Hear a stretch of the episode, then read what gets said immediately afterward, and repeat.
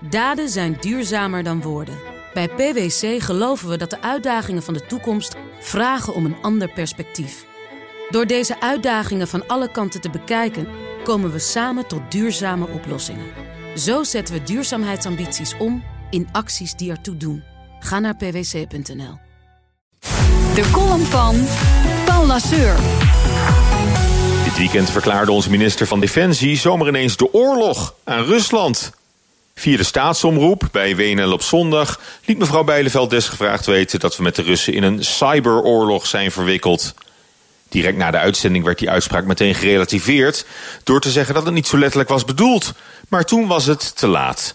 De internationale pers had al lucht gekregen van de oorloghitserij van de Nederlandse regering. The Guardian nam het nieuws gretig over. Inclusief het aanbod van onze defensieminister aan de NAVO om vaker Nederlandse cybersoldaten in te zetten. Niet alleen om de weerbaarheid te vergroten, maar ook zelf offensief dingen te kunnen doen als dat nodig is. Cybersoldaten offensief inzetten tegen de Russen. Dat klinkt toch behoorlijk oorlogzuchtig. Zeker voor Hollandse begrippen. Want sinds het einde van de Gouden Eeuw heeft ons land in militair opzicht nooit meer wat voorgesteld. In de Eerste Wereldoorlog waren we neutraal en in de Tweede werden we binnen een week onder de voet gelopen. Sindsdien heeft onze krijgsmacht natuurlijk wel zijn steentje bijgedragen aan vredesmissies en aan de NAVO, maar echte proactieve vechtersbazen zijn we nooit meer geworden. We zijn een vredelievend volkje dat liever handel drijft dan oorlog voert. En die gezonde koopmansgeest heeft ons geen windeieren gelegd. We gooien liever olie op de golven dan op het vuur. Waarom dan ineens zo stoer doen tegen Rusland? Heel verstandig vind ik het niet. Zeker gelet op de gevoelige relatie tussen onze twee landen... sinds het neerhalen van MH17 en de leugen van Halbe Zijlstra. Maar minister Bijleveld vindt dat we af moeten van de naïviteit in Nederland. De aard van oorlogsvoering is veranderd, zegt ze. Men probeert hier het publieke debat te beïnvloeden. En dat is gevaarlijk, volgens de minister.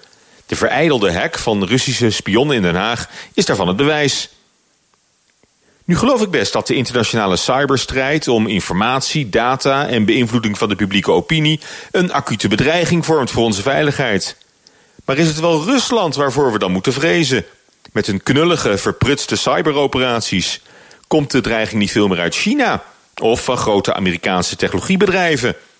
En kunnen we de Britten eigenlijk nog wel vertrouwen? Wie weet wat nog kan gebeuren naarmate een harde brexit zonder deal dichterbij komt. Het zijn de aanvallen die je het minst verwacht en die je niet kunt zien, die ons de meeste schade berokkenen. Natuurlijk moet Nederland zich wapenen tegen de grote veiligheidsrisico's van de moderne tijd, op alle fronten. Maar Rusland zomaar de oorlog verklaren is volstrekt willekeurig en lang niet ongevaarlijk. Prettige maandag. Zij Paul Lasseur, onze columnist op maandag. En u kunt hem eh, terugluisteren op bnr.nl en in de BNR-app. Daden zijn duurzamer dan woorden. Bij PwC geloven we dat de uitdagingen van de toekomst vragen om een ander perspectief. Door deze uitdagingen van alle kanten te bekijken, komen we samen tot duurzame oplossingen. Zo zetten we duurzaamheidsambities om in acties die ertoe doen. Ga naar pwc.nl.